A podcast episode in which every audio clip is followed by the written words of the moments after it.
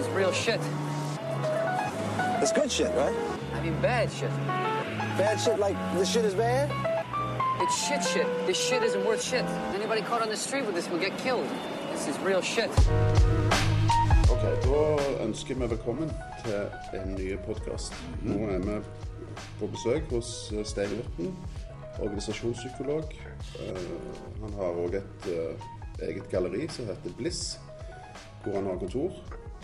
Eh, Og ikke bare kontor, han har altså et eh, Du har et stort bord her. Altså et eh, stort møtebord. Hvor du gjør arbeidet ditt, altså utfører arbeidet. Inviterer folk inn, altså ledere Ja. inn rundt bordet. Og da sitter vi altså midt i et galleri. ja. Så det er det vi skal snakke om. Ja. Kunstens rolle i, i lederutvikling og i ditt eget liv. Ikke sant? ja. Det, det er et spennende tema for meg. Ja. Det er det. Og jeg, jeg ser liksom òg at, at liksom dette begrepet kunsten har jo brukt i altså, sant? Eh, På mange måter så er headingen altså, kunsten å håndtere livet. Ikke sant? Og når jeg sier at god ledelse er kunsten å være etterpåklok på forhånd eh, Godt samarbeid er kunsten å leve konstruktivt med forskjellige. Så jeg ser at begrepet kunst har fulgt meg eh, veldig lenge. Og, og, og det er et eller annet sånn fantastisk med det, som betyr at det, det er ikke sånn én pluss én blir to. Altså, altså det, det, det er noe kvalitativt prosessuelt, altså noe sånn sjel i det, noe mer som skal til for å nå disse målene. Og, og det er klart at nå er det tolv år siden jeg, jeg eh, kjøpte og etablerte dette fantastiske stedet mitt, som er rommet mitt. altså Bliss. Og bliss betyr å komme i pakt med, med, med dine potensialer. Altså, og da tenkte jeg at liksom, kan jeg lage et spesielt rom eh, som eh, bidrar gjennom forskjellige virkemidler, kunstneriske virkemidler, samarbeid med forskjellige kunstarter. Eh, gjør ting litt utradisjonelt eh, for å åpne opp eller gå inn på litt eh, andre måter for, for å kunne treffe folk bedre. Og, og, eh, sånn. Skal du da utvikle ledere, eller utvikle folk, eller løse opp i konflikter, eller et eller annet sånt, så, så, så får du òg litt distanse når du kan bruke andre virkemidler enn bare å snakke, snakke én til én og gå gjennom ting. Og det har jeg virkelig gjort. Så jeg, ser, så jeg så eh, litt sånn Jeg måtte rydde litt plutselig i arkivet mitt, eh, for det var ikke mer plass. Og, det, det er alltid nyttig, for da får du sånne historiske knagger. Hva har du holdt på med? Eh, Og i billedmaterialet. Jeg ser jo at jeg har eh, samarbeida med eh, Musikkonservatoriet eller universitetet der i parken her, naboen min nede i Bjerkstedparken. Musikere som har vært oppe og spilt. Jeg har hatt workshoper, jeg har hatt seminarer, jeg har hatt eh, invitert forskjellige kunstnere, og, og ikke minst poeter og, og forfattere som har vært der. Mange. Og, og jeg har òg bestilt kombinasjon av poesi og musikk som, som har blitt urframført, bl.a. 2008, da vi hadde Kulturby hovedstad. Vi hadde lagd et orkester her på kvelden med fantastiske musikere. Så, så, så, sånn at bruk av kunstneriske virkemidler har, har vært eh, en viktig del av eh, rammene mine og virksomheten min og, og inspirasjonen og eh, osv. Men, men nærmest står bildekunsten for meg. Se- Selv om jeg òg leser vanvittig mye. Liker teater veldig godt. eh, Og bruker jo hele spekteret av musikk og alt. Men billedkunsten har betydd mest.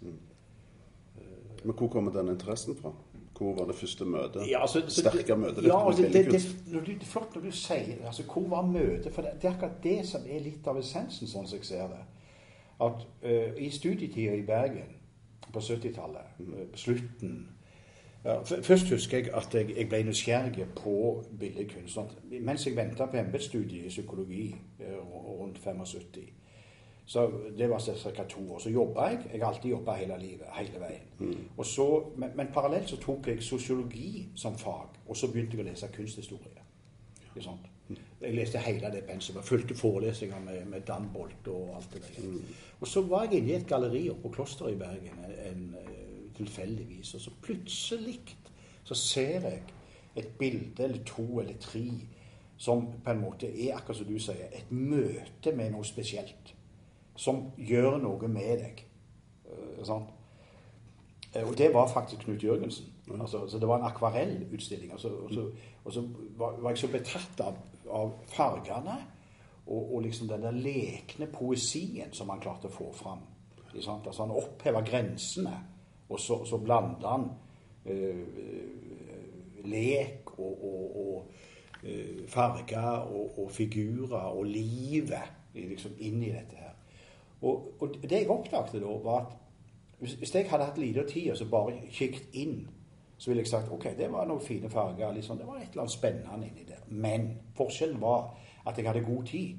Og så stoppet jeg opp, og så lot jeg de bildene møte meg. Eller jeg møtte bildene, og møte, bildene møtte meg. Og så skjedde det et eller annet.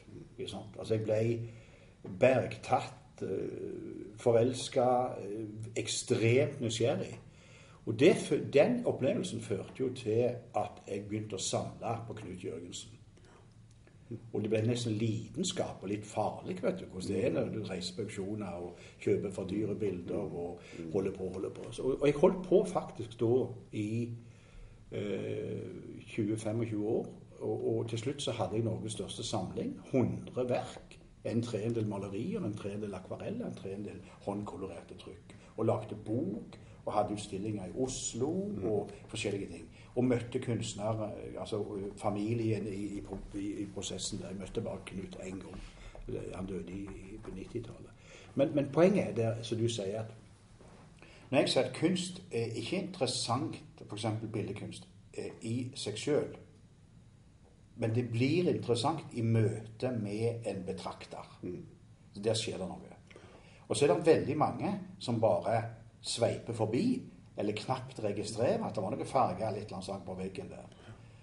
Og, og, litt av det er det jeg ser eh, i arbeidet mitt, at eh, noen ganger så ser jeg at, at folk kommer inn. De, de, registrerer ikke bildene i det hele tatt. Mm. De bare setter seg ned og så begynner de å snakke. Mm. Andre ganger så kommer de inn. Oi!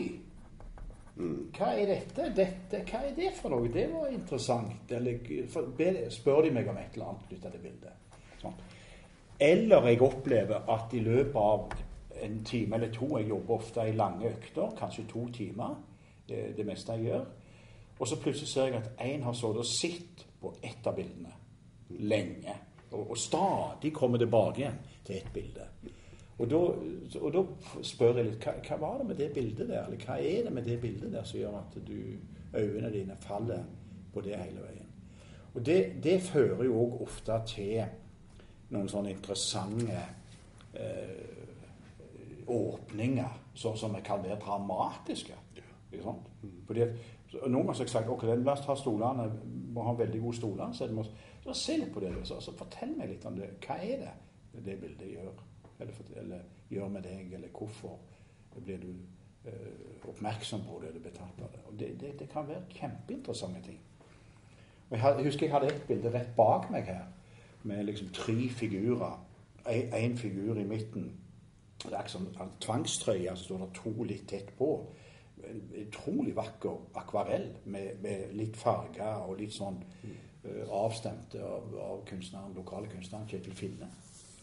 Uh, og så det var, en, det var, en, ungdom jeg jobba med. Uh, 18, 18, år. Og, så, og han ble så på det bildet hele veien. Sånn at det ble Han, han glemte av og til hva jeg hadde spurt om, fordi han var inne i bildet. Og så spurte jeg han. Så sier han jo, det bildet der er litt betegnende på hvordan jeg har det, sier han. Ja, hva, hva, mener du da? Altså, jo, sant? Han, han, opplevde at det var mange voksne rundt han, som både skolen og foreldrene. Og det var, det var en heftig skilsmisse også lå bak her, så det var liksom forskjellige føringer. Sånn, sånn at de, de, de maste og bestemte og mente og osv. Så, videre. så han ble mer og mer sant, lukka. Og, og flykta inn i, i data og spill og, og, og var kjempedyktige på dette. Og, hadde stor glede av det, da. Og var nok ganske introverte som type òg. Sånn at, eh, men, poenget var at han istedenfor at de da eh, Alle de voksne rundt hans intensjon var å hjelpe han med å uh, få fram eh, potensialene sine, så gjorde de det motsatte. Han ble mer og mer lukka, mer og mer som ei tvangstrøye. Og så, og så omtrent kommuniserte ikke. Og, og mista energien og kom ikke på skolen og full pakke. Ja. Og, og jeg husker at det Da, utvidet jeg òg Dette var i, i en tidlig fase av faktisk en, en terapi eh, i nyere tid. Og da eh, ble jeg veldig Så innkalte jeg disse foreldrene, som ikke hadde snakket sammen på mange år. I forhold til Hvis jeg skulle jobbe med han, så måtte vi få til noe sammen. Og jeg stilte krav til de, og vi ble enige om Og pluss skolen ble involvert. Og det, det gjorde at vi fikk da altså, Og jeg jobba med han ett år. Ikke sant?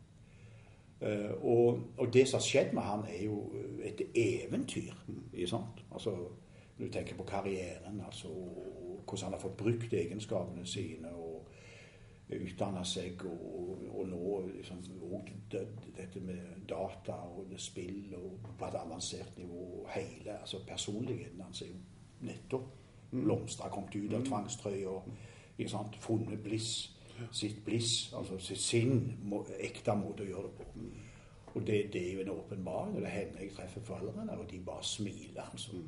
Og han, han, han, tok kontakt med meg et år etterpå, for da var han hjemme fra dette skoleopplegget han var på og altså ba om om vi kunne ta en, en, kaffe og en cola. Og jeg møtte han bort på Løkkeveien på det hotellet der. Og møtte en gutt som er liksom ja. sant? Så klart. Og, og, det, det så, så, og, og, det han hadde gjort, da, var han hadde tatt, han hadde tatt et foto av det bildet. Mm. Sånn, han, han, han, han hadde, det med, det med seg sant? på kontrasten. Hvor var jeg? Og hvorfor var jeg der? Og hva var løypa vi gikk gjennom for å komme ut, på en måte. Uh, og, og, og det, det, er òg noe av det der med hva er det med kunsten? For, for jeg, sier jo, jeg, jeg, har likt en del sånne Det er jo masse sitater om kunst. Men, men Georg Brandes, eh, danske kunstneren og filosofen, og, og sånt, han sa en gang at all kunst inneholder et svar på hva mennesket er. Og, og, det er det noe i. Altså, altså disse her direkte og indirekte speilinger eller provokasjonene eller forsterkningene eller bekreftelsene eller alt det der. Mm. Men Wolfgang, uh, Johan Wolfgang Goethe sa òg en gang at i kunsten så er, er det beste godt nok.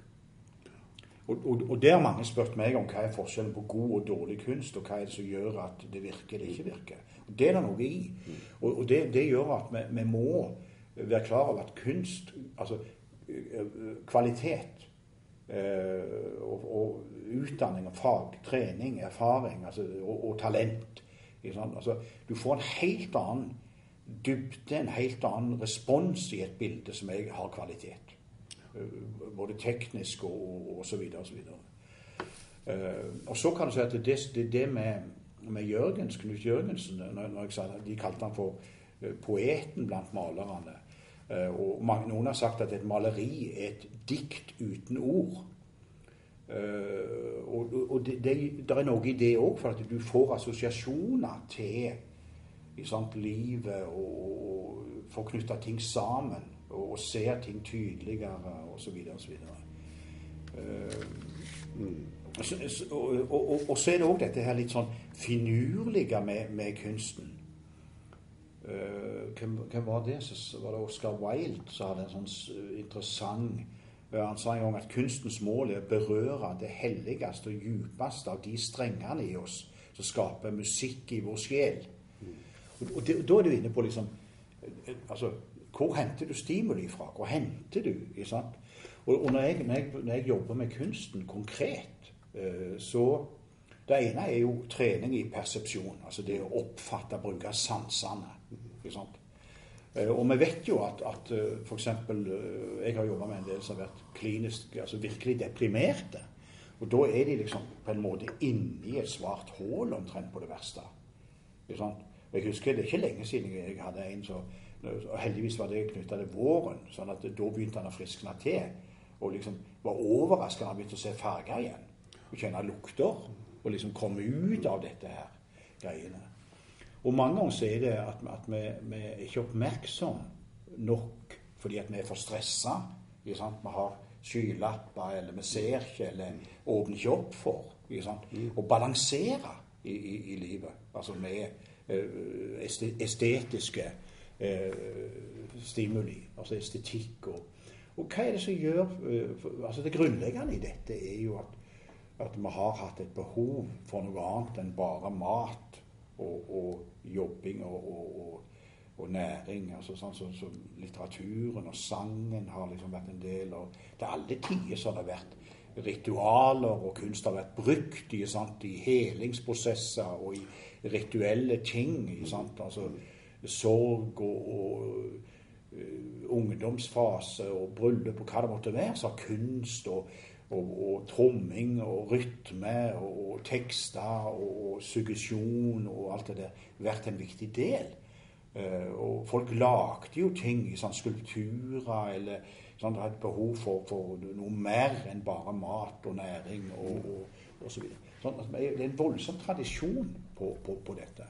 Og det slo meg altså Våren er fantastisk. fordi at sånn som jeg, jeg eh, møtte en gjeng jeg var holdt et foredrag om, om min egen historie bruk av kunst da jeg var syk. Og da, ut, ut forbi Vitenfabrikken i Sandnes så var det sånn, ti trær med sånn fantastiske blomstring av, av disse altså japanske kysset. Ja, de er helt utrolige. Og, de var på det absolutt vertkastet. Og jeg ble sittende i, i parkeringsplassen der og bare se. Og, spurte de når jeg kom inn, altså la dere merke til, dere sett hvor vakkert det er? Og, og det fascinerer vet du, med at folk drar til Japan, det varer ei uke. Det er jo dette her at det, det, det, er ikke hver dag, så du må skjerpe deg. eller du må, og Det er ett fantastisk tre nede i Bjerkstedparken som er på samme nivå. Og det har jeg fulgt med. Når er det, og er det sånt, når begynner det å blåse av, osv. Og, og det gir jo eh, en enorm sånn wow. Det, altså, noe vakkert, noe som gjør noe med sansene, noe som gjør deg glad, stolt. Eh, du, eh, naturens under sant? og variasjonen. Og, og, Så var jeg ute og reiste, så kom jeg tilbake eh, for en ukes tid siden. Og så tenkte jeg meg å gå turen min nede i Bjerkstedparken. Og Det som jeg la merke til da, var denne voldsomme grønnheten. For I den løypa bak der så er det masse forskjellige flotte trær. Og så det plutselig så var grønnfargene helt enorme. Og jeg tok et bilde av det. det sånn, wow! Sånn. Og det, det, sier jo noe om at det er jo et behov. altså Nordmenn er jo kjent for å bruke naturen sånn, som stimuli. Og kroppen og gjøre det enkelt osv. Og, så og det er fantastisk. Du får jo veldig mye der. Men hvis jeg ser andre plasser, er at de har et, et annet forhold f.eks. For det bruker kirkene, kirkerommene, som òg er utsmykka og vakre. Og òg eh, en annen tradisjon, når de ikke har naturen så, så lett tilgjengelig, har de ikke det historisk på samme måten. Eh, det forholdet som vi har med enkle kår. Norge var jo et karrig land. og dette, Vi var liksom nøkterne og osv. Vi hadde ikke noe overklasse og var vant med liksom bruken av kunst på, på samme måte som andre land. og nabolandene våre delvis har hatt. Og Der går de mer, bruker de museene på, på, en annen måte. Og det er ikke mer 18. mai nå nylig så var jeg i, eh, i Spania, altså i, i uh, Malaga, byen Malaga, som er like stor som Oslo. En fantastisk by. Uh, nå ble akkurat ordføreren i dag, i går, gjenvalgt etter 19 år og den byen har utvikla seg basert på kunst. Det kunst har vært drivkraft og virkemidler. Og med denne fantastiske ordføreren på 76 år, som fikk lov av kona nå etter mye forhandlinger å stå en periode til fire år. Og så vinner han pinede valget, på tross av at partiet da eh, går dårlig. Eh, og hva, han, hva kunstens betydning for utviklingen av en by har jeg fått nærmere. Det, det som de gjorde da på den 18. mai, var de arrangerte noe de kalte for Den hvite natt. Noche Blanco. Og Det var altså 182 forskjellige eh, kulturelle, kunstneriske arrangementer med musikk og billedkunst og musikk, alt du kan tenke deg. Teater og dans og osv. 182. eh, fra klokka seks om kvelden til to om natta. Og alt var gratis. Alle museene. Picasso-museet, Tusenmuseet, dans osv. Fantastiske konserter. Alt var gratis. Så går du inn Vi var inne på, på Picasso-museet så seint på kvelden. Og der er det sterkt folk med folk. Familie. Masse unger. Og, og du hører Nå kan jeg litt spansk, heldigvis, og begynner å forstå litt av, av, av hva de snakker om, og hvor de er. Det var helt ekstremt spesielt, altså. Halv to om natta å se den entusiasmen og gleden og, og, og, hvordan de bruker eh, kunst. To ganger i året har de sånn Noche Blanco, eh, egentlig. Og da, får du en annen eh, innfallsvinkel til hva det kan bety, og hvordan du kan, kan gjøre dette. Og, og, og det er klart at det um, altså, hvis, hvis, du, hvis, du, kjøper det at all kunst inneholder et svar på hva mennesket er, altså Brandes sin definisjon Og så er det uh, noen, noe som heter sal, salutogenese, altså det som fremmer helse. Og, og da, Hvis du da kan betrakte livet som et, et, et, et evig roterende hjul, f.eks. der sykdom òg inngår som en del av hjulet, og det samme gjør friskhet og livskvalitet Altså Det er en naturlig del av? Og da, da, da, ser vi at det er, kunsten kan eh, på mange måter eh, speile og, og, og, være med å lindre, være med å stimulere, være med å tydeliggjøre, være med å hjelpe oss som en prosess eh, inn i, i det, den, den, den livsprosessen som alle står oppi. Og der, der ser vi jo òg nå Eh, apropos dette med, med, kunstens potensial. altså Det har kommet en bok som heter 'Kunst som terapi'. Det har vært et par TV-serier òg med eh, illustrasjoner om bruk av litteratur, bruk av billedkunst, bruk av musikk nå i nyere tid. Uh, og, og, jeg ble litt fascinert når jeg så litt inn i det der. fordi at uh, jeg så da at helt siden 1920-tallet så har kunstterapi òg vært et begrep og, og til og med eh, psykoanalysens far, Sigmund Freud, prøvde å dekonstruere eller tolke eh, altså personligheten og livet til Leonardo da Vinci gjennom kunsten hans. Mm. For, for, å se hva det, hva det, hvor sammenhengen er mellom det du lager, det du har fokus på, hvem du er. Uh, oppi dette. Eh, og det, og det, har nå blitt videreutvikla. En annen interesse, eller annen erfaring jeg hadde rundt kunst, var at jeg var student i, rundt, eh, helt til slutten av studietiden på 1980. Jeg var ferdig psykolog i 1980, og så jobba jeg på Studentenes psykiske helsetjeneste. Og Der var det en leder altså Der, der var òg mor til Erna Solberg, statsministeren vår, var kontorsjefdama. Mm. Hun var veldig interessant. Jeg møtte jo Erna der ganske ofte når hun vokste opp. Men uh, i én terapi med en kvinnelig pasient som egentlig var psykotisk, sant? så så jeg at hun, hun, hun satt skrev. Og så brukte hun forskjellige farger uh, mens vi snakket.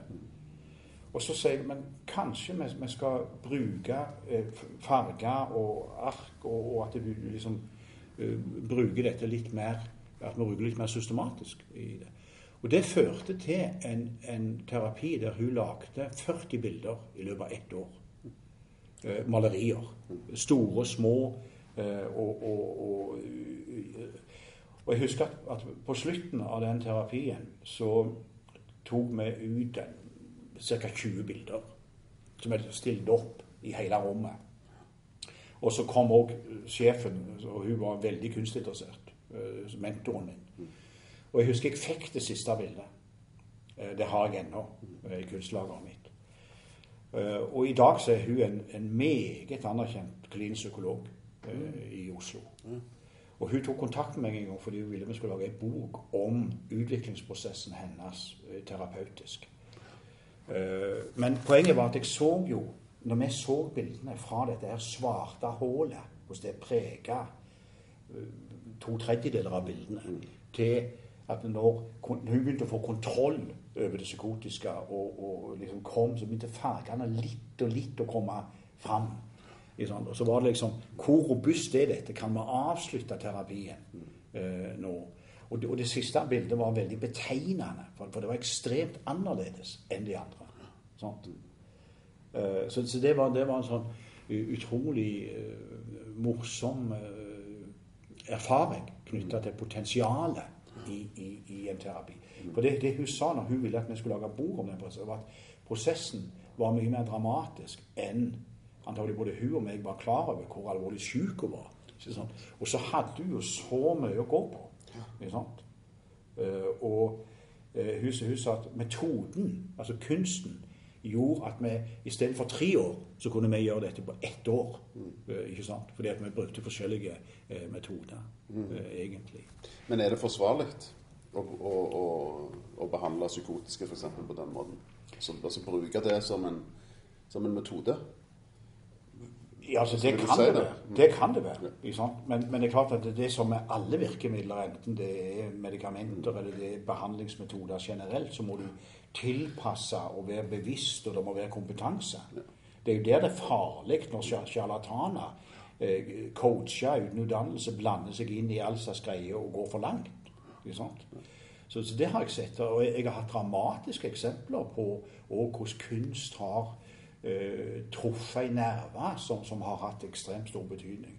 Jeg husker jeg hadde eh, eh, Jeg tror det var et sånt byggefirma, et kjent byggefirma her. Så, så, så, så spurte de om de kunne gjøre noe eh, alternativ, noe annerledes. Altså, de komme på besøk til meg eh, eh, etter en lunsj midt på dagen Mm. og se på en utstilling som jeg da hadde. Og de kom inn 20 stykker i arbeidsutstyr og skikkelige sånne vernesko og trødde inn og fantastisk. Og så tenkte jeg hvordan i all verden skal jeg få de nå til, til liksom engasjere, eller, eller hvordan skal jeg få de til så, så, Først så var liksom så de litt rundt og for liksom Hva er dette? Og så videre og så videre. Og så ga jeg de fire oppgaver. Uh, og, og, og, de oppgavene har jeg også brukt i andre sammenhenger når jeg jobber med toppledergrupper og brukt kunst og tatt bilder inn mer konsentrert. Men, men jeg tenkte her liksom Prøv å se uh, hvilke, hvis, hvis det var ti-tolv bilder, uh, så sa jeg Hvis du fikk ta med deg ett bilde hjem, hvilket ville du valgt? Og så, og så tenk liksom hvorfor du ville valgt det. Ikke sant? Uh, og så, og så sa jeg òg Gå tilbake igjen til det bildet du ville tatt med deg hjem. Og så lag forslag til tittel på det bildet. Sant? Og så, og så sto de og snakket litt og, rundt dette. her. Og så, så plutselig så jeg at de sto i en ring rundt et bilde. Og da var det en medarbeider som var fra eh, Serbia, som hadde jobba en del år hos de. Og, og plutselig så så jeg at han fikk tårer i øynene og ble stående, ble veldig emosjonell rundt det. Og så kom de andre, og så skulle de liksom støtte han litt. Og så, liksom, og så sier jeg Fortell hvis du vil nå, hva som skjer, skjedde med deg. Og hva, hva, du, for akkurat nå gikk du inn i bildet, og så traff det noen strenger hos deg. Og så, og så, og så fikk du noen, noen tanker eller følelser eller viktige minner som kom fram. Og hvis du vil nå, så kan vi liksom stå i ring her og bare, liksom bare høre litt og, og prøve å se hva som foregår, hva som skjedde hos deg. Og så kom det altså i løpet av 25 minutter en vanvittig historie på hva han hadde opplevd. Som var alle Det var helt fokusert og stilt, og alle lytta til og, og prøvde å forstå og så hva som foregikk. Og, og det var ikke tvil om at det, det var veldig interessant, for de andre lærte han å kjenne. De forsto bedre hva han hadde vært gjennom. Gjennom eh, ett kunstverk som satte i gang den refleksjonen.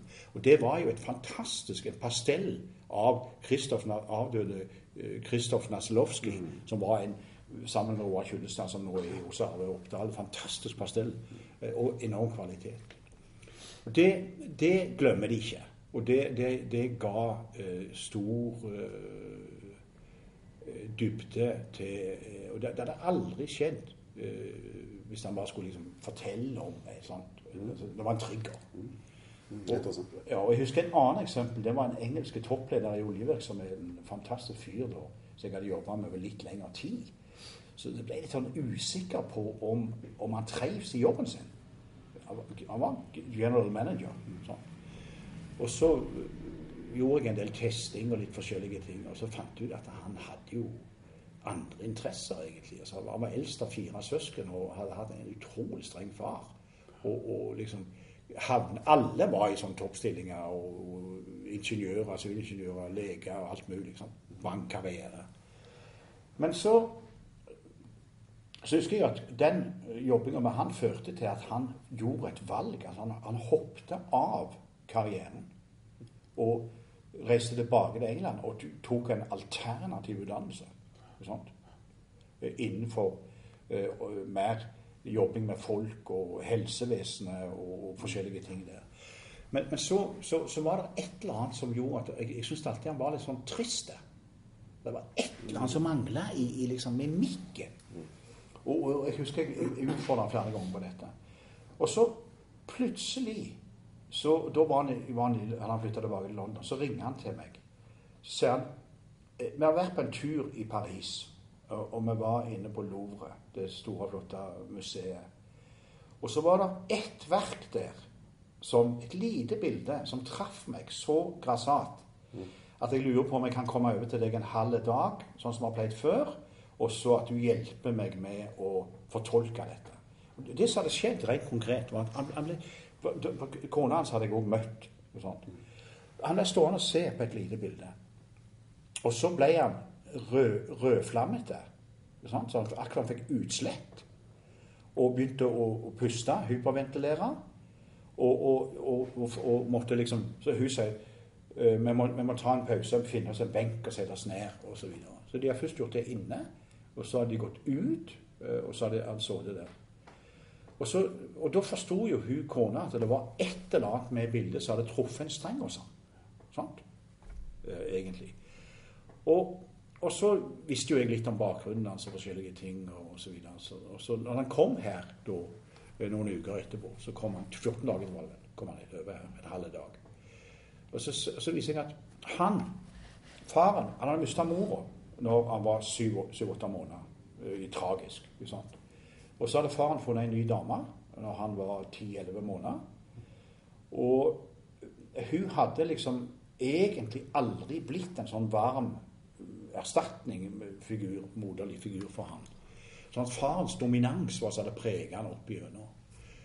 Og så, så det bildet eh, sa han til meg Han fikk innsikt plutselig i livet sitt, utviklingen sin, gjennom å se på det bildet. Og så sa, brukte han ordet I was an ignorant. Sånn? Altså Han ble ikke behandla som en baby, som et barn. I was an ignorant. Altså, han ble behandla som ingenting. Sant?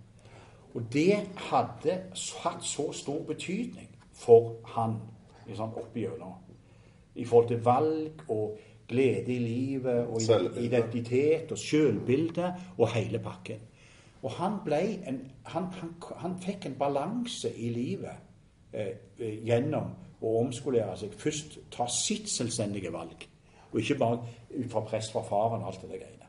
Altså, så jeg har mange eksempler på hvordan kunst kan eh, gjøre eh, Skape eh, en, en klarhet, eller, eller hjelpe deg å få en, en, en re relevant agenda i forhold til utvikling av deg sjøl i livet ditt. Og, så videre. og det er jo, Når jeg jobber med ledere, eh, så gjør jeg jo forskjellige ting. Eh, og i, jeg har sagt at, at eh, når jeg jobber med det, så er det på mange måter et dannelsesprosjekt. Altså det, det er videre. Eh, De skal lære litt om historie, litt om livet, litt om kunst. litt om sånn, sånn de, For hvor skal de hente energi? Hvor skal de lade batteriene? Hvor skal de gjøre noe annet enn å holde på med faget sitt og økonomi og levere til et styre og, og sørge for at liksom, maskinen, maskineriet fungerer? Og Jeg husker når jeg, var rektor og bygde opp dette Vikingakademiet med, med 25 ledere. Så var vi en gang i Og det var jo ledere, lokale ledere i variert bakgrunn. Uh, ingeniører, økonomer, jærgründere, forskjellige. Så var vi en gang så var vi på, i Barcelona på en studietur. For hvert år så endte vi opp med en studietur med sånn mål uh, sånt om uh, interessant eh, et eller annet blanding av eh, stimulanser og kultur og litteratur og alt det der. Og da hadde jeg med han forfatteren Karsten Alnes. Han hadde akkurat skrevet bok om Barcelona. Og Han var jo et fyrverkeri. sant? Du kunne stappe på en femmer der på en automat, og så snakket han i to timer. Så jeg så jo at de, de, jeg så på øynene til disse når jeg jobba med hypnose, så jeg kunne jo se på øynene hvor de var hen. altså de, Etter 20 minutter så så jeg at de begynte å svive rundt øynene på dem, for de fikk ikke med seg alt. Så jeg husker at så skulle meg og Karsten da, så han skulle jo guide, og være, han kjente jo byen og hadde historien og alt det der. Så skulle vi inn på Picasso-museet, så sier jeg Karsten nå, nå har vi erfart at vi må porsjonere dette litt. Vi må ikke drepe dem med for mye om gangen. Uh, vi skal ha det kjekt, og det skal være luft osv. Så, så sier men det vi gjør Vi går inn nå, så konsentrerer vi oss om tre, maks fem bilder. Kanskje tre. Så går vi litt i dybden. Så kom vi inn. Så var vi jo ekstremt heldige, for at ganske tidlig når du kom inn der, så var det et, et, et, et ungdomsbilde som Picasso hadde lagd, som ligner litt på Munchs syk pike med ei sånn seng. Mm. Sånn. Og så, så, så jeg at de sto i ring og kikket på dette bildet. Så så de så gikk de til høyre så gikk de til venstre. Så det. Når du så bildet fra høyre, så var senga liten. Når du så det fra venstre, så ble senga veldig lang. Mm. Og dette fascinerte de jo etter hvert eh, betydelig. Altså perspektiv. Og så holdt de på, og så målte de, og så sa de ja, men dette skal ikke gå an, og hvordan kan det gå an, og, og så videre. og Så, videre. så vi brukte jo da eh, nesten hele tida på dette ene bildet. Eh, og, og i ettertid så vet jeg at flere av disse lederne har sagt til meg at det var en sånn øyeåpner på at kunst har en kvalitet, og det har noe som du ikke ser nødvendigvis umiddelbart. Og du må bruke litt tid.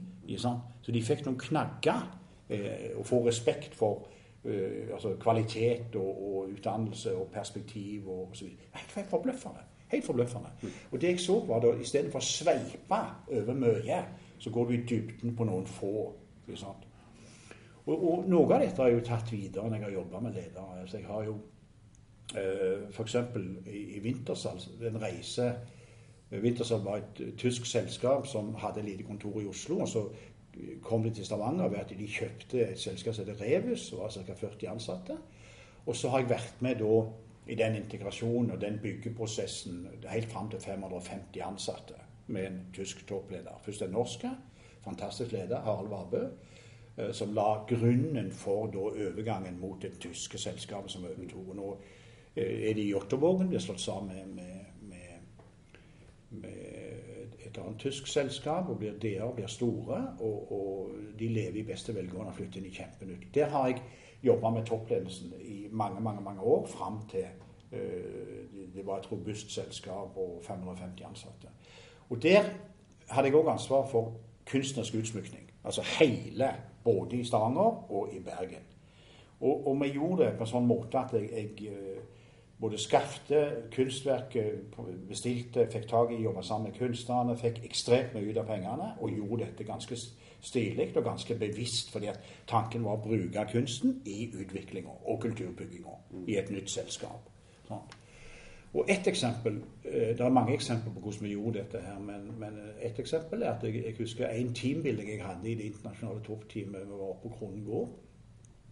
Så tok jeg ut ti kunstverk fra deres egen samling. Og i, bare i Stavanger så var jo den ca. 70 verk av forskjellige, forskjellige eh, både skulpturer og forskjellige teknikker. Og så, eh, etter vi hadde jobba, så, videre, så, videre, så rigga jeg rom om til nærmest sånn hvit kube og kunst. Eh, så kom de inn, så så de ti bilder som hang, og så fikk de en liten blokk, og så sa jeg til dem Se litt nå på disse bildene her. Så får dere fire oppgaver. Velg det bildet du likte best, begrunn det. Velg det bildet du likte minst, begrunn det. Velg ett bilde og beskriv hva du ser. Og gå tilbake til det bildet du likte best, lag forslag til tittel. Så holdt de på, vet du. De fikk et glass vin, så det var slags vernissasje, de hadde blokk og skrev og snakket og sånn. Så når de hadde gjort dette, da, så satte vi oss ned i en, i en rund sirkel. Sant? Og så delte de svarene.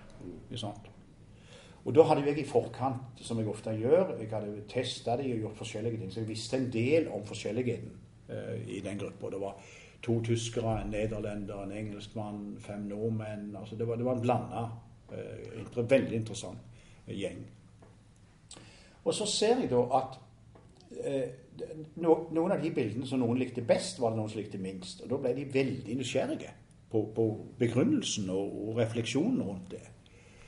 Eh, og så, eh, når de kom til denne øvelsen med 'beskriv hva du ser', så kom det òg fram noe veldig interessant som har med kultur og personforskjeller.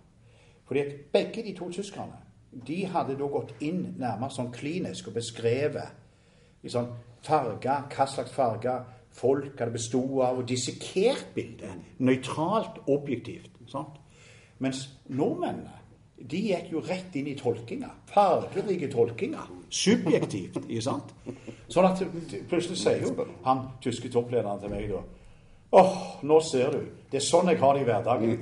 I kommunikasjonen. Det ser du. Ja, sant? Jeg vil tenke meg om, jeg vil ha fakta på bordet, og så kan vi drøfte. Nordmennene med sin ek- ekstroverte entusiasme, de kommer inn og vil gjerne eh, tenke høyt og, og, og drøfte ting og, og på sin fargerike eh, måte. Så, så den, den ble veldig interessant i forhold til å justere litt det å leve konstruktivt med forskjellighet for å unngå misforståelser og så videre. Så det er bare ett eksempel. Og så kunne vi f.eks. ta ut et, et, et kunstverk, et lokalt, Mona Årstad Hansen, et, et fantastisk interessant bilde, eh, som de da på en sommersamling, en teambuilding, så delte de inn i, i ni sånne eh, små malerier, altså, sånn, som var blanke. og Så skulle de da rekapitulere. Så i, I grupper skulle de lage det bildet, og hver sin bit av det bildet. Og så sette de sammen. Så var det en jury som da eh, valgte det bildet som, som de syntes var best løst. Sant? Og det henger den dag i dag på veggen, det som ble premiert. Og det er ganske stort, sånn som de lagde det. Og så på andre sida av veggen så henger originalbildet. Så det er fantastisk morsomt i forhold til engasjement. Så når vi bytter litt bilder osv., så, så, så forteller jo folk meg at de forandrer løypa si ned til kantinen i etasjene. Sant? Så av og til var jeg oppe i Bergen og fortalte litt om noen kunstverk, og der var det òg reaksjoner på noen kunstverk som noen reagerte på, ville ha vekk eller ville flytte osv. Og Der så jeg hvordan det smitta hvis én sterk person begynte å snakke negativt om et bilde. Så, så lagde det filter. Sånn at selv om jeg hadde med boka om historien til det bildet, så klarte jeg ikke nullstille de. Ikke sant? Eh, og da husker jeg han tyske sjefen sier til meg en gang ja, fem, fem, fem damer fra, Tre damer fra, fra Exploration hadde kommet inn til han en mandag og sagt du må flytte det bildet, så får du oppsigelsen vår på bordet. Og han sier men hva er det med disse bildene? For det, det, det er jo bare et bilde. Sånn, Hva er det med disse bildene som skaper det engasjementet? Og jeg måtte rett og slett flytte det bildet. Sånn. Og, og jeg husker at jeg, at jeg måtte liksom lære opp han litt, fordi at han var ingeniør. Altså, jeg forstår ikke helt dette, jeg er bare ingeniør. Uh, og, og, og, men, men så så jeg at han var interessert, han, han likte farger. Så jeg, jeg, jeg, jeg, fant et par bevisste bilder inn i gangen der, men de var også sånn du, de, de var eh, lagd som et ruglebrett, sånn at når du stoppet opp, så forandra bildet seg. Så når du gikk to meter til, så forandra det seg en gang til. Dette fascinerte han. Men så var det ett bilde som var lagd på ei treplate, ganske stort, eh, av eh, Arne Nøst, eh, som var veldig interessant. For det var akkurat som en sånn rund kropp eller ball i midten, og så var det noen hoder, fem stykker, som stakk ut med en hals mot denne kroppen. Og så var det lagd med spesielt kull, sånn at det, det glinsa litt i lyset. og var, var ganske fascinerende lagd. Arne var jo tegner. Så han brukte store, spesiell type kull. Eh, kullstift eh, og blyant. blyant. Og så, var det, så sier han tyske lederen til meg en dag Stein, du må, du må få tak i han kunstneren, for det er ett av de hovene som ikke er helt fullført. Kunstneren er ikke helt ferdig med det. For det var et hakk i det. Og så tenkte han at alle de andre var jo hele og like. Sånn at da må du få han til å komme og fikse det. Eh, og så, ringer det kunstnerne og sier at de lurer, lurer på hva, hva er det med det bildet der som gjør at eh, de opplever at det ikke er ferdig. Og så sier han Ideen med bildet det er at dette kan være fem personer i en familie, det kan være et team, et arbeidslag. Så er det én person som ikke er hele ved. Så det er en brist Det er noe med den personen som man prøver å skjule, eller som, som du ikke får helt innsikt i, eller du kan ikke stole helt på. Så det er ideen med den. Så forteller jeg det til han tyske toppsjefen, og så sier han OK. Ja vel. Ja, men da forstår jeg. Ja, da kan jeg leve med det. Men poenget er at det skaper engasjement. Og det, og det, det var masse bilder som skapte engasjement, og som jeg fikk diskusjoner om. Uh, og, og, og det jeg ser uh, i den der eh, altså, Det var jo en TV-serie på BBC som het The Power of Art, som var fantastisk med en Simon Chama. som var veldig god på, på å si litt om potensialet. Men i den boka om terapi så er det en del eh, interessante eh, kapitler som illustrerer hvordan kunsten kan Altså hva kunst kan eh, brukes til i livene våre. Altså, det, der sier eksempel, så sier de at du, du kan bli eh, Få hjelp til eh, hukommelse, huske bedre. Fordi at et, et, et godt kunstverk vil på mange måter speile erfaringer i livet. Eh, Det gjør at du får i både kjærlighet og hva det måtte være, så plutselig ser du ting tydeligere. Sant? Og så får du lyst til nesten å kopiere det bildet. Eller ta i dag så tar jo folk foto av bildene og, og så videre. Sånn at det, det hjelper de i forhold til hukommelse og bearbeiding av, av minner. eh, Og lagre minner. Ikke sant? Eh, Så sier de at, at det, det er med og gir, hjelper oss i forhold til håp i livet. Det kan øke bevisstheten på eh, å skille eh, altså, altså En ting er realitetskonfrontere, men òg eh, åpne opp for muligheter i håpet. Eh, og, og noen ganger så vil altså bilder som på en måte òg er, nesten litt karikaturaktige, forenkla eller overdrevne, er med å destillere kjernen i et eller annet som gir deg en knagg eh, mot håpet. Og, og Litt av det var det jeg var oppi når jeg lå eh, nesten to måneder på et enerom i sånn liv-død-prosess på sykehuset. Så eh, husker jeg at jeg brukte forskjellige virkemidler. og Så eh, fikk jeg kona mi til å få tak i et spesielt bilde som jeg, hadde på en auksjon. Det var litt for lite, men, men, men jeg husker jeg fikk tak i vaktmesteren som fikk sånn halogenlykt, svære halogenlykt, så jeg kunne ligge og kikke på det. Og Det, det heter Edens hage. Og var en sånn litt rund sirkel, og så var det noe mørkt, og så var det noen figurer som folk inni der. Og jeg husker hvordan jeg lå, spesielt eh, når det var mørkt, med denne halogenlykta, og så selvsuggererte meg sjøl til liksom drømmen om hva, hva muligheter som lå der. Da var ikke mer 45 år, så jeg hadde jo, det var for tidlig å hive inn håndkleet. Men det var en tøff eh, kamp eh, på liv og død. Sånn at det, at det, ga meg eh, krefter, og det ga meg styrke og håp om å, å klare å komme gjennom og få realisert noen av de drømmene som lå inni dette bildet. Eh, fantastisk sånn magnetisk kraft som, lå der. Og så vet vi at, at, at eh, kunst kan, kan hjelpe oss i sorg. Eh, ikke sant? Altså du, du eh, altså Sorg er jo skrevet inn i livets kontrakt. Alle kommer borti det i en eller annen fasong. Og jeg husker det var et, et eh, flott kunstverk, akkurat som en sånn eh, svart mur i metall, men med skri, skriblede altså sånn eh, nyanser i fargespillet. Altså. Og, og der så jeg at folk de kom. Og så kunne de f.eks. stå inntil den robuste veggen, som var en, ti meter.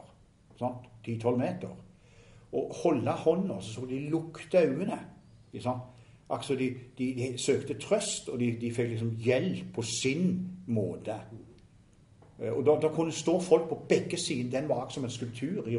Da kunne stå folk på begge sidene. Noen sto liksom bare mot den veggen der og så henta liksom, Fikk plassert litt av sorgen sin eller, eller inn i dette, og samtidig fikk liksom krefter til å stå i det eh, på en måte. Helt, fantastisk å se. Og så vet vi at det å kunst kan brukes til å gjenvinne balansen i livet. For at du plutselig så er du sant, altså du, du kan være kjempestressa, eller du er oppi et eller annet øh, der, du sover dårlig, og hva det er. Og så spør folk om så du det, eller la du merke til det? Og så, og så plutselig så blir du klar over at, at jeg har ikke sett i det hele tatt. Og så sier folk ja, men eh, hvis vi tar det bildet der nå, så hva Og så, hvis du, så blir de helt sjokkerte. For de har jo gått forbi det bildet hver dag, men de har ikke sett. liksom, sånn. Og så blir de minnet på dette med sansene sine, dette med tunnelsyn når du er stressa, dette med kroppens stivhet og muskulatur og alt det der greiene. sant? Og, og, og selvsagt så kan det brukes til eh, sjølinnsikt, sånn som jeg har gitt flere eksempler på. Når et bilde treffer deg så grassat. I was an ignorant. Sant? Eller han eh, serbieren eller, plutselig klarte å, å, å se hvorfor, hva som hadde påvirka ham. Det, det kan hjelpe oss til, til, til vekst eh, i, i utviklingssammenheng, fordi at det òg både stimulerer og det tydeliggjør ikke sant? hva som er viktig, og sortere ting. Eh, og, og det jeg òg har sett, er at det kan, det kan hjelpe oss i forhold til å bli mer takknemlige. Altså Plutselig så ser du noe, og så, så setter du pris på det. Eh, til, altså, livet vårt, spesielt når det er stressa og veldig sånn flimmersamfunn, og vi får impulser og shopper rundt og hopper og reklame og alt det der flimmergreiene eh, som er farlig for persepsjon og mental helse. eh, I, i, når det blir overloaded, og vi blir så vant med at vi får ikke nok. Vi blir aktiverte, vi får for høyt nivå i kampen mellom adrenalin og noradrenalin, så vi, vi, vi eh, kommer ikke ned. Og, og da liksom Det å sette pris på enkle ting? F.eks. et stilleben, et bilde av et måltid som kanskje bare har et, glass vin og et brød eller et eller annet. Det enkle. altså det, det å liksom Istedenfor å hige og, og holde på og holde på. Og, og, og dette med folk. At du, du, du ser et bilde som stråler ut øh, hjelpsomhet eller empati eller medlidenhet. eller sant? Altså det at du stopper opp og hilser på naboen din, snakker litt med naboen, istedenfor bare dure av gårde. Altså det er også sånn takknemlig. Du kan bli minnet på at livet med enkle midler har i seg eh, ting som, som betyr mye eh, oppi dette. Og, og noe av det nye som vi ser med, med bruk av kunst eh, i forhold til mental helse og, og terapi og, og, og sånn, eh, det òg at det er nå for det, for det første så er det en rekke forskningsartikler nå som eh, dokumenterer hva kunst og estetikk betyr for mental helse. Og der er, eh, Nå har vi hørt mye negativt og, og mye tull fra England og brexit i det siste. Men, men det, det jeg, jeg så, som, som til og med eh, Theresa May har gått god for, det at det ble nettopp bevilga 1,8 millioner pund til å skrive ut resepter, sånn at folk kunne gå supplerende til andre typer behandling på kunstutstilling. Konkret. Konkret. 1,8 millioner pund til denne type resepter som en del av helsevesenet. Og, og, og det har vi lignende eh, eksempler på både fra Canada, eh, vi har det fra altså både medisinsk hold og, og eh, praktisk eh, erfaring fra folk knytta til eh, forskjellige typer stimulanser. Og noe av det er jo dette med, med avlede, altså ta folk ut av negative sirkler? Som, som ofte vi ser i depresjon og i angst og i, i masse negativ tenking. Og, og det er klart at det, det som jeg savner mange ganger i dette flimmersamfunnet, eh, med voldsom reklamefokusering og sosiale medier og flyktigheten at eh, jeg tenkte mange ganger og, og så på en veldig interessant artikkel som Helge Tormund skrev i Klassekampen 'Kunst på resept' i januar. Eh, og Da er han inne, innom forskjellige ting. her. at Han også snakker om dette med eh, helseeffekten av kunst. og Han beskriver egne erfaringer knytta til å komme inn i et eh, museum eller et galleri. Sant? Og hva var det som gjorde at så mange reagerte på nedleggelsen av Nasjonalgalleriet? Det er sant? Altså midt i byen. Sant? Dette, spesielt i byene, der, eh, der det er mye mer kaos og trafikk og hva det måtte være, hektisk. Eh, men samtidig òg store behov for sånne avledninger, avstressinger osv. Og, og jeg tror at veldig mange folk hadde et personlig forhold til et så spennende hus med den historien. Jeg jobba i en periode sammen med Knut Berg, som var sjef der i mange mange år. Jeg husker når vi hadde møte på Tartarkafeen, så skulle han hver gang ha to sånne biff tartar med, sånn rått egg oppå og full pakke. Er Fascinerende, interessant fyr. Men også, så snakket vi om hva er det med kunsten og dette. Og jeg tror at mange av disse folka hadde et forhold, et kjærlighetsforhold eh, sånn, til forskjellige rom, forskjellige farger, forskjellige kunstnere på forskjellige plasser i rommet. Sånn de, de, akkurat det var liksom, de savna en god venn så de besøkte. det, Og, og, og kunne ikke forstå hvorfor ikke vi kunne finne kombinasjoner av å ta vare på. liksom. Så, så, det var en sånn prosess for mange av dem. Og et voldsomt engasjement som sier noe. Og, og, det å tenke deg at du kommer inn i et kunstgalleri, inn i et rom der du merker at folk ikke er så høylytte. Og de, de, ser på ting du kan bruke lengre tid, du får sjanse til å dvele med. Uh, og i, sånn, Mange bruker jo kirkene i byene på samme måten.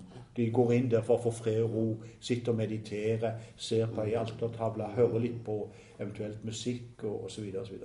Dette er det mye større behov for enn vi bruker. Og kunsten i dag er jo blitt sånn som en del av dette her uh, globaliserte, internasjonale internettstyrte flimmersamfunnet, så er det òg positive ting med det. Så kunstomsetning i dag er jo mye mer at folk over hele verden shopper. Og folk av Oppdal selger òg bilder på nettet til folk i Shanghai eller Singapore eller hvor det er, og via via. Altså Det er noe, det er noe positivt i det i forhold til sirkulasjon og ø, interesse for bilder på tvers av kultur. Men samtidig så går du glipp av noe. Altså Hvis nå kunstgalleriene forvitrer eller forsvinner. Ja, så hvis alle disse rommene forsvinner. Ja, og, og, og, folk blir ikke trent på en måte til å komme inn og få knaggene. Og så har kunstverden vært altfor for, sånn uh, komplisert i måten å snakke eller skrive om introduksjon til kunstutstillinger, kataloger. Altså, det går ikke an å forstå det. Selv jeg har problemer med å forstå det. Ikke sant? Og jeg ser mange ganger når jeg, holdt, når jeg hadde åpneutstillinger så når folk kom inn her, så var det god tid og snakket med dem og, og spurte dem osv. Så, videre, så, videre, så så jeg at de, de ble takknemlige fordi at de, de, fikk en knagg, eller de fikk en opplevelse, eller de fikk en aha-opplevelse. De fikk en stimulans til å gå videre liksom, med uh, den nysgjerrigheten som åpna seg. Mm. Uh, og Jeg husker jeg hadde sånn masse morsomme eksempler på det der med kunstens evne til å overraske. I 2008 så hadde jeg to, to ekstremt bra utstillinger som byen ikke forsto eller viste interesse for. eller uh, Det var helt, helt, skandale, egentlig. Det ene var jo Bjarne Melgaard, en spesiell utstilling. Og den andre var uh, et kunstverk, så, to videokunstverk som ble stående hele døgnet på, på to vegger her. Sånn. Og Det ene var egentlig sånn, tilsynelatende et bilde av Monet med disse liljene som lå og svevde i vannet. Men så var det en video. sånn at De liljene var jo da stabilt, men, men det var bevegelse i de.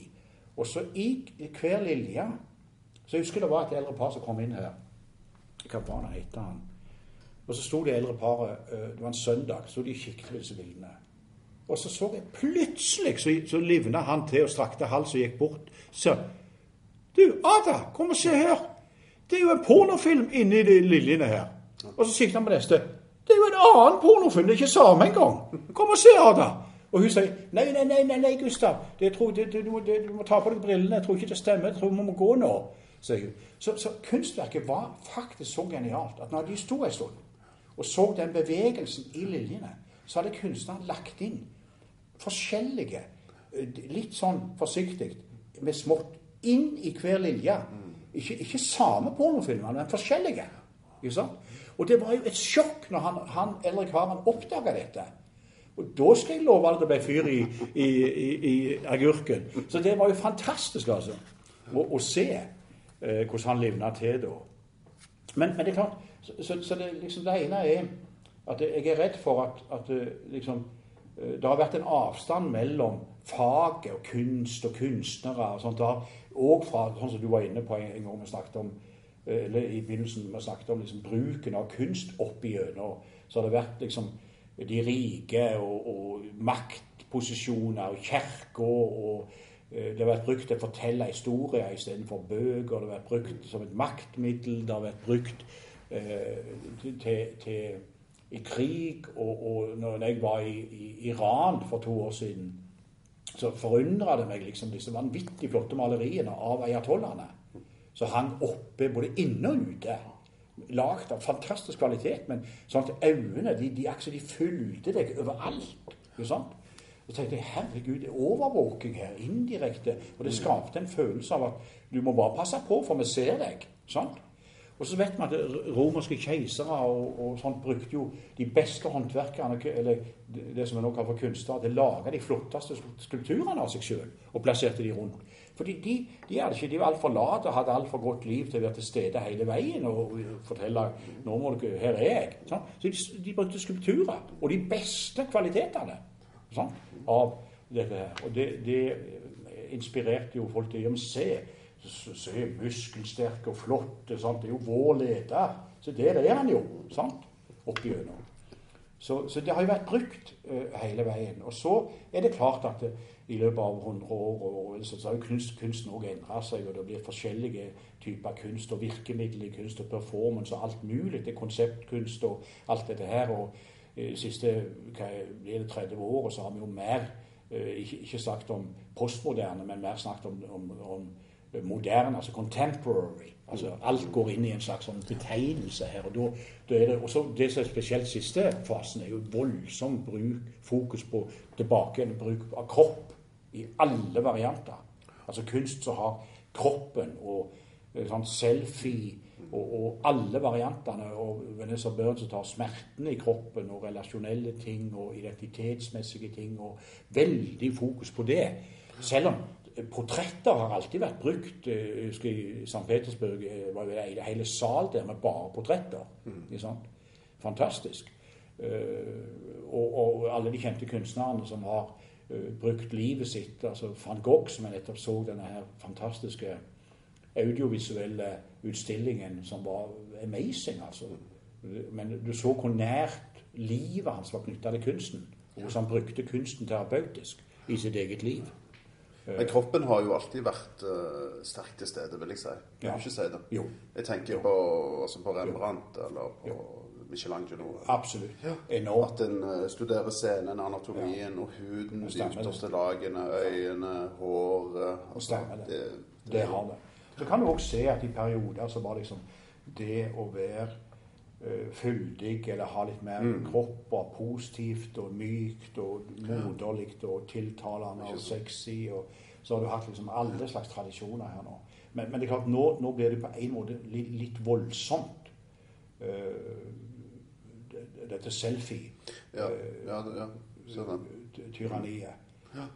Men, men, samtidig så er det jo leiting etter identitet, bekreftelse, ja. bli sett Sette seg sjøl i ja. sammenheng. Men hun som, jeg, hun som, jeg, eh, tenker på, som har dukket opp et par ganger når, når, når du har snakket, er Frida Kahlo. Ja, Stemmer det. Det er jo et veldig sterkt sånn, ja, kunstnerskap hvor smerte og kropp ja. er til stede. Ekstremt. Og kunst som terapi. Ja. Som egenterapi. Altså, det. Ikke sant? Det å utvikle et eget språk for å overleve overhodet. Ligge i denne senga mm. i årevis og begynne da, sant, å tegne og male og liksom Smerten. Tåle smerte. Eh, få til et håp. Få det ut og der, der, mm. jeg ser veldig likhet mellom van Gogh på en måte sine prosesser og hennes. Og det spennende er jo at hun gjør det i en annen uh, kulturell kontekst, mm. liksom, med en annen historikk. Uh, og, og, absolutt uh, kjempeeksempel. Og en, en, viktig kvinnelig kunstner som òg kom etter hvert ble, ble, internasjonalt kjent, altså. Og så et eksempel på, på liksom, sånne metoder som jeg bruker, som, som gleder meg. Uh, nå nylig, uh, noen dager siden, så var jeg på uh, liten omvisning nede på Sølvberget. på galleriet der. Og Der hadde de nå i forbindelse med 150-årsjubileet av Gustav Vigeland, mm. så hadde de fått en del tidlige skulpturer. En del sånn parforhold, kjærlighetsskulpturer og forskjellige sånne ting som var veldig bra plassert. Uh, og der, der, hadde de jo hatt inne uh, skoleklasser, ungdomsskoleklasser. Og så hadde de De fleste hadde jo aldri hørt om han. Sant? Bare tenk på Vigelandsanlegget. og- sant? Så det, det er jo litt sånn Hva er det vi gjør med kulturarven vår når vi er ute og reiser og tar de med? Og, så Det var jo sjokkerende for de der nede òg, at de omtrent ingen hadde hørt om han. Men så spør de lag, nå, nå skal dere få flott eh, sånn brikett her, så da kan dere lage forslag til tittel på de ulike verkene. Så var det to hull, og så var det noen som Så kunne de da eventuelt diskutere med de andre, men henge på sine. Så det var jo en 20-30-40 forskjellige tittelforslag på flere av disse, flere av disse verkene. og det syns jeg var kjempeinteressant. Så jeg bledde gjennom for å se eh, variasjonen. Altså hvordan de hadde oppfatta dette. Og, og liksom hvordan den liksom nakne, litt sånn eh, kjærlighetsmessige Altså du tenker på T-Norge. Altså eh, liksom den altoppslukende kjærligheten eller forelskelsen, og så uh, brudda. Altså hvordan dette hadde tatt de, på en måte. Uh, og og, og hvordan, mye av de uh, Og de fortalte jo de hadde diskutert litt, og hva syns du, og forstår du hva jeg mener med den? og så Veldig stor forskjell innenfor mer sånn positiv og negativ vinkling på tittel. Hvordan de oppfatter verket. Og det, det var jo altså Igjen så du at høy kvalitet treffer, setter i gang og gjør noe. Og Hvis du da kan aktivisere dem, sånn som jeg gjør i mange av øvelsene mine når jobber med ledere av kunst, og, og gjerne helst deres egne ting, sånn at de tar inn kunstnere som også kan lage en historie, og de får spørre og grave og, de, kan, altså, og så videre. Jeg syns det var et glimrende eksempel, for dette var ungdommer. Eh, Og settingen der nede var veldig fin til, til å gjøre det.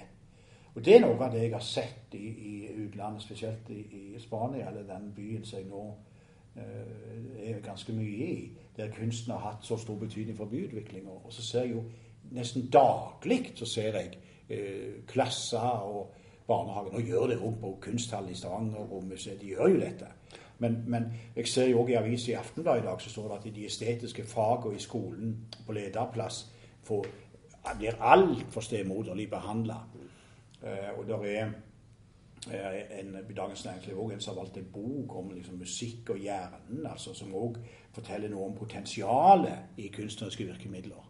Så jeg mener at vi er altfor lite systematiske, altfor lite utholdende, altfor lite bevisste i dette i forhold til å, å, å komme i Altså lære de opp. Altså gi de knagger.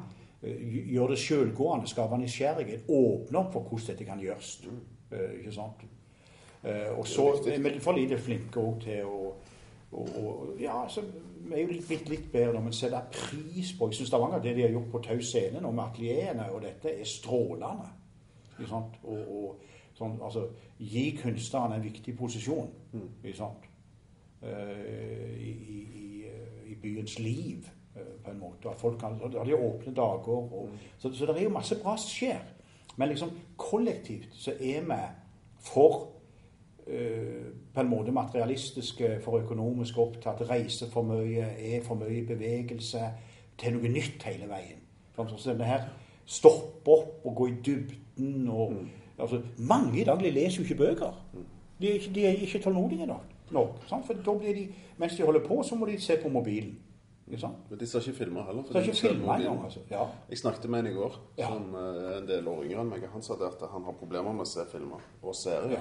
fordi at mobilen Mobilen er det. Altså, gud, du, det er så full av med. Ja, og det, jeg mener det er ikke bra. Altså mentalt. Nå. Altså det, det, er liksom, det er ikke under kontroll, dette.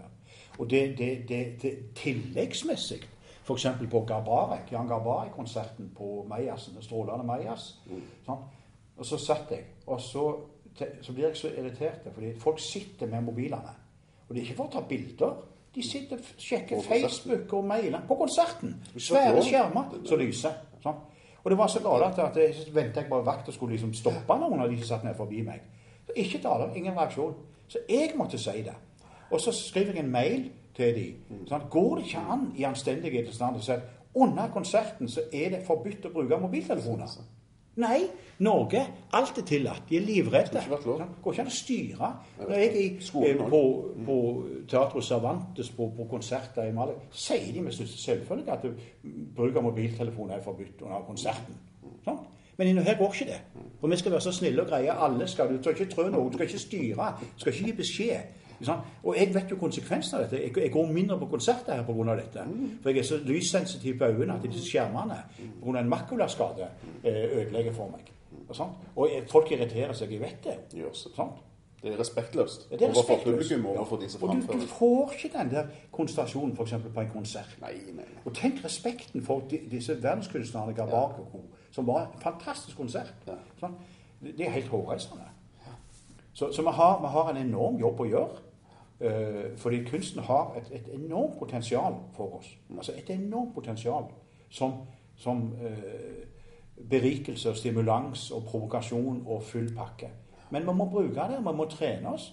Og, og det, vi får den byen og de omgivelsene vi fortjener. Sånn er det alltid. Ikke sant? Eh, Da har vi vært igjennom mye spennende, Stein. Så jeg tenker hvis vi, hvis vi oppsummerer litt her, så sier du at eh, kunst er helsefremmende. Ja, og, og det som er flott, er at det er blitt stadig flere dokumentasjoner på hva dette betyr nå. Både i forhold til recovery på helse og behandling. Forebyggende. Forebyggende. Jeg har sjøl eksempler på det når jeg lå på sykehus. Eh, Det er forskjell på å se på natur med trær eh, istedenfor å se på en parkeringsplass. Eh, Recovery-raten økte 15 Tysk forskning bekrefter det. Og, de nye tingene fra England, fra Canada, der de nå eh, får resept for å gå på spesifikke gallerier for å få en, en ekstra type eh, stimulans som en hjelpemiddel. Så der skjer det en del ting. Så, så det er den ene. Absolutt. Det, det, det syns jeg er blitt enda tydeligere, potensialet i, i det. Men hva er veien videre, da? Så hvordan får vi dette på agendaen lokalt, f.eks.? Altså, hvor- for dette er jo ting som må inn i, inn i, eh, inn i skolen, inn i styre og stell. Altså, og, det, det er jo tydelig bare den lederen i Aftenbladet i dag. sant? Altså det, det, det, de sier jo at de estetiske fagene og alt det der er altfor stemoderlig behandla. Det er ikke systematisk nok, det får ikke nok plass. det er Viktigheten av det. Ikke sant? Og jeg sier at starta med Georg Brandes all kunst inneholder et svar på hva mennesket er. Og, og, og eh, hvor mye problemer i dag som ligger knytta til mer relasjonelle ting og seg sjøl. Selvmordsproblematikk, s- s- skilsmisseproblematikk, eh, outsidere, altså alt dette her greiene. Altså, du, du, du kan få inspirasjon og hjelp og trening gjennom å forstå forskjellighet, eh, gjennom å ha et språk rundt hvordan du òg kan bearbeide følelser, finne ut av ting. eh, søke, sånn som disse terapeutiske prosessene nå som brukes, eh, legger opp til. Med godt resultat. Du så jo den eh, forestillingen, jeg vet ikke om du så fikk med deg den forestillingen som Espen Hana spilte i på Rogaland Teater på en teamscene nå i vår, som heter 'Alle fantastiske ting'. Ja. Den kommer jo opp igjen nå til høsten. stemmer. Den handler jo om selvmord. Ja, ja. Og den tok jo fullstendig av. Helt uventa. Ja, det. Én mann på scenen. Veldig enkel, veldig fin forestilling. Kjempebra skrevet. Fantastisk. Men folk gikk mann av huset. Ja. Og Jungeltelegrafen gikk varm. Ja. De solgte ut med en gang. Ekstraforestillinger, og han kom opp igjen. Ja. Og folk henvendte seg jo òg til Espen, Mm. Ja. vet du, som har hatt ja, opplevd selvmord, selvmordstanker. Ja. Så de traff en nerve der som de antageligvis ikke var forberedt på heller. Men det viser at vi er Ja. vi, vi er sultefòra Ja. på meningsfulle møter med andre mennesker. stemmer det. Samtale. Det. En person som snakker til deg, Ja. som ser på deg og forteller historien sin. Ingen mobiler. Stemmer det. Ikke noe øh, Ikke sant? Altså data, ikke noe virkemidlene på en måte. Var så enkle. Ja. Og det, det er liksom blandingen av kvalitet og ekthet. Ikke sant? Og så aktualitet. Aktualitet. Ja, og, og disse livstemaene, som jeg sier det, sånn som til alle tider så har kunsten speilt eller hatt i seg å belyse eh, hva det vil si å være menneske. Og det, og det er jo sånn som Jeg leste et intervju med han fra Finnøy som hadde vært i alle land i verden. Alle land i verden. Så Og det var ikke nok. Så spør de men hva er det som går igjen, da? Hva hva er det du har lært? Jo, så sier han jeg har lært at det er noen grunnleggende ting som alle verdsetter i livet. Og det er Selvfølgelig må de ha mat og, og, og en plass å sove. Men, men det er de nære relasjonene. Det, det å få det til i familien sin, det å få det til i parforholdet, det å ha noen venner. Det nære. Det går igjen i alle land som det viktigste for et godt liv. Og da, da er det klart at, at kunst kan være med å eh, berike, eh, det kan være med å stimulere, det kan være med som et, en avledning, som en, som en eh, klargjøring, som, som en stimulans osv. Men det må være ekte, det må være kvalitet, og det må ha relevans. Mm, Nettopp. Ja, viktig. Så må de slutte med disse her mobilene på konsertene. Det er forferdelig symptom på tida, og, og at de styrer på feil eh, ting. Det er plagsomt. Ja. Det er grusomt. Ja. Men eh, da avslutter vi nesten. Men jeg bare tenkte den der eh, utstillingen som nå går på Stavanger kunstmuseum, Flora Den eh, Jeg var der på åpningen. Jeg syns den òg var veldig interessant i forhold til Altså, hva skal du si? sånn, I forhold til kropp, altså i forhold til mennesket. I forhold til vårt forhold til naturen, måten vi angriper det på, hvordan vi dissekerer eller setter ting i system. og den, den, den, den går veldig inn i dette som vi snakker om nå. Uh, og, og der har jeg sett uh, altså flere eksempler via kunst på, på dette, hvordan du kan bruke, stimulere folk til både forstå historien i, i byen sin, eller hvor de kommer fra. Og vi hadde jo en utstilling i Stavanger også på Sølvbergen som var knytta til lukt. Der de også skulle liksom finne gjenkjennelige lukter. Men det jeg så i det ene eksperimentet, e- e- eksempelet på en kunstutstilling, var at de, folk fikk gjennom lukter knagge på sin egen eh, bys utvikling og historie. Og jeg hadde ikke trodd det gikk an. For at du fikk både lukte og se og kjenne osv. Og, så og det at de gjør, bruker natur og, og kropp nå, altså denne her interaksjonen pen, pen Og veldig mange av de siste utstillingene på Kunstmuseet har vært pedagogisk ekstremt bra. Ekstremt bra. Så de jobber jo bra for tida med, med å hjelpe oss. Og så har de òg tatt inn litt sånn lokale eh, kunstnere som har liksom holdt på å glemme. Mm? Mm, han, eh, Fantastisk, altså. han Olaf Lange Ja. Den var jo helt utrolig. ja. Det stemmer, det. var jo Ja, wow. ja. Hvorfor har jeg ikke hørt om? Ja. Så det, det viser at vi, vi har ikke vært flinke, og vi har vært altfor lite opptatt av disse tingene her. Og så ser vi jo at det virker, og så må vi trenes opp. Altså, vi må Men Vi, vi, vi er så late og va- vane det at vi, vi gjør andre ting. Sant? Det er en terskel som vi må bryte, og så må vi trene oss til å bruke dette. For det, det er veldig berikende. Og så er det et språk. Ja, det er det det vi må forstå. Fordi at jeg snakket med en bussjåfør. Ja, Ikke at det har noe med saken å gjøre, men jeg diskuterte dette med en bussjåfør som kjører lokalt på Storhaug. Jeg satt ganske eh, langt framme, eller jeg satt rett bak han. Og så drev vi og snakket om kulturliv og kunst og sånn, fordi han spurte om hva jeg driver med. Og så kommer det masse sånn Ja, jeg forstår ingenting av det, og Nei. jeg har vært på noe, men jeg skjønner ingenting, og det liksom går langt over hodet på meg, og hva er det for noe? sant? Og så sier jeg at det er jo et språk. Ja. Det er ikke så fransk. Ja. Hvis du drar til Paris og ikke snakker fransk, Ja. og møter da Ikke sant? Det stemmer det. Eh, så, det- det så forstår du nesten ingenting. Nei. Og du, du, du, du, du, du har en negativ opplevelse. Ja. Sånn at du ender opp med at uff, du liker ikke fransk, jeg liker ikke Paris, jeg forstår ikke noe det. Er akkurat det samme. Det stemmer det. Du må gjøre noe. Du er nødt til å sette deg litt inn i det. det. Forstå at det her er der. Og du- Koder og er og symboler. Så kan du få hjelp. Og så kan du få hjelp. Ja, og der syns jeg de er blitt flinke nå. At de, de, du kan spørre, og de, de er kompetente. og, og Ja, så det, guide deg. ikke sant? det handler om, Ja. om formidling. Ja, om formidling. å og, og, sånn å bryte Du, du må gjøre det på en forståelig måte. Mm. Bryte disse tersklene. Men, men jeg tenkte litt sånn innledningsvis når du, når, når du snakket òg, at eh, galleriene skulle jo hatt en egen psykolog. Ja, ikke sant? det kan du Sånn se. du får en time. Ja. Du får en omvisning, Ja. du kan få personlige Ja, timer, da. du kan gå med en gjeng. Ja. Du kan, de kan sant? Tenk Ja, deg det, hadde vært spennende. òg noe jeg har sett på kunstmuseene som jeg har tenkt på i, i tråd med hvordan du kunne altså Istedenfor at de lager sånn kronologiske eller historiske eller sånne overordna tema, ikke sant? Eller tar eller kunstnere, tar de hele greia. Altså det at de i mye større grad skulle lagd utstillinger knytta til tema. Kjærlighet, hat, sorg, konflikt, arbeid, hva det måtte være. Penger. Og så hente bilder på kryss og tvers, men knytta til tema. Sånn, sånn så jeg har gjort litt her nå. For det har med liksom feminismus og identitet og i, som sånn uh, motvekt til denne macho-ledelsesgreia som vi nå har. Altså verden styres av galne menn. Sant? Eh, for da ville folk liksom mer OK, hva, er det jeg trenger nå, eller hva er det jeg kunne tenkt meg? Det ville vært pedagogisk mye lettere. Og jeg har sett noen få eksempler som har vært veldig gode på dette. Der de har tatt mer et tema. Og det er sånn som jeg kommer til å gjøre mer av. Altså ta ut temaer. Ikke Så det er en del ting det går an å gjøre i videreutviklingen av å gjøre dette tilgjengelig.